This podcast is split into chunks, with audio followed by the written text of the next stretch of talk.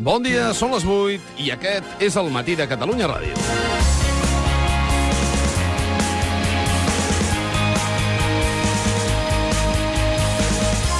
Diversos membres del PP s'han pronunciat sobre la situació en què queden el govern espanyol i el país després de les noves revelacions sobre el cas Bárcenas. Revelacions que ni de bon tros han acabat. N'han parlat diversos ministres i també Esperanza Aguirre, la líder del Partit Popular de Madrid i capdavantera del sector crític a Rajoy. Aguirre fa un pas endavant i demana que es depurin responsabilitats i que es demani perdó. Més moderats han estat els ministres del govern Rajoy. Fan pinya, però també hi ha discrepàncies sobre les conseqüències que l'escàndol pot tenir pel govern i per Espanya. Luis de Guindos, per exemple, un dels ministres amb més prestigi de l'executiu, afirmava que no afecta la confiança dels mercats en Espanya. De Guindos, que va ocupar diversos càrrecs durant els dos governs d'Aznar. Un altre ministre de Rajoy, el d'Afers Estrangers, José Manuel García Margallo, deia, en canvi, que el cas perjudica les inversions estrangeres a Espanya i, per tant, l'economia.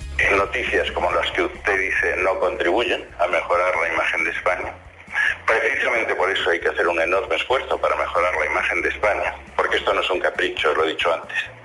De la imagen de España depende la recuperación de los mercados en las instituciones y los mercados. De eso depende la financiación de la economía española. Què perjudica la marca Espanya? Que se sàpiga la veritat?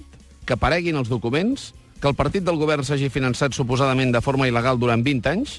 Que els seus alts càrrecs hagin rebut presumptament sobresous?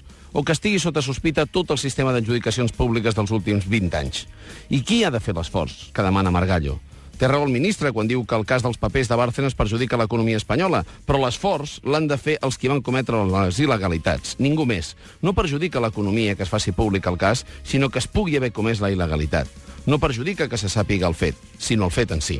I tant de bo tot plegat serveixi per fer net en el sistema de finançament de partits polítics, en els sobresous i en les adjudicacions públiques.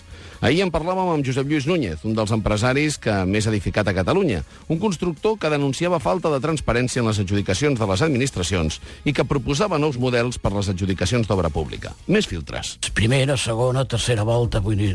Això algun, algun jutjat ja ho fa amb les subhastes, no? Que surten al, al concurs i després obliguen a fer una segona volta, perquè, clar, és la forma de, de, d'evitar de, pues, que hi hagin aquestes adjudicacions una mica dirigides. No? Mm -hmm. El sistema públic eh, té que ser molt transparent, si volem que funcioni. No?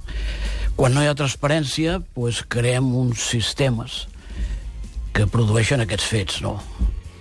La transparència pot arribar, però abans s'haurà de fer net, i per aconseguir-ho s'han de fer públics tots els papers relacionats amb el PP. S'ha de fer pública la comptabilitat que falta, la dels anys d'Aznar, i els detalls dels empresaris. Detalls de tots els diners que s'ingressaven en comptes i que eren compensats oferint adjudicacions o contractes de les administracions governades pel PP. S'ha de saber d'on venien i exactament on van anar a parar. Del cas Bárcenas en seguirem parlant a l'MCR, un programa que avui fem des de Cadaqués, des de la vora del mar. Un tas del mar al matí de Catalunya Ràdio. Benvinguts a casa vostra. El matí de Catalunya Ràdio, amb Manel Fuentes.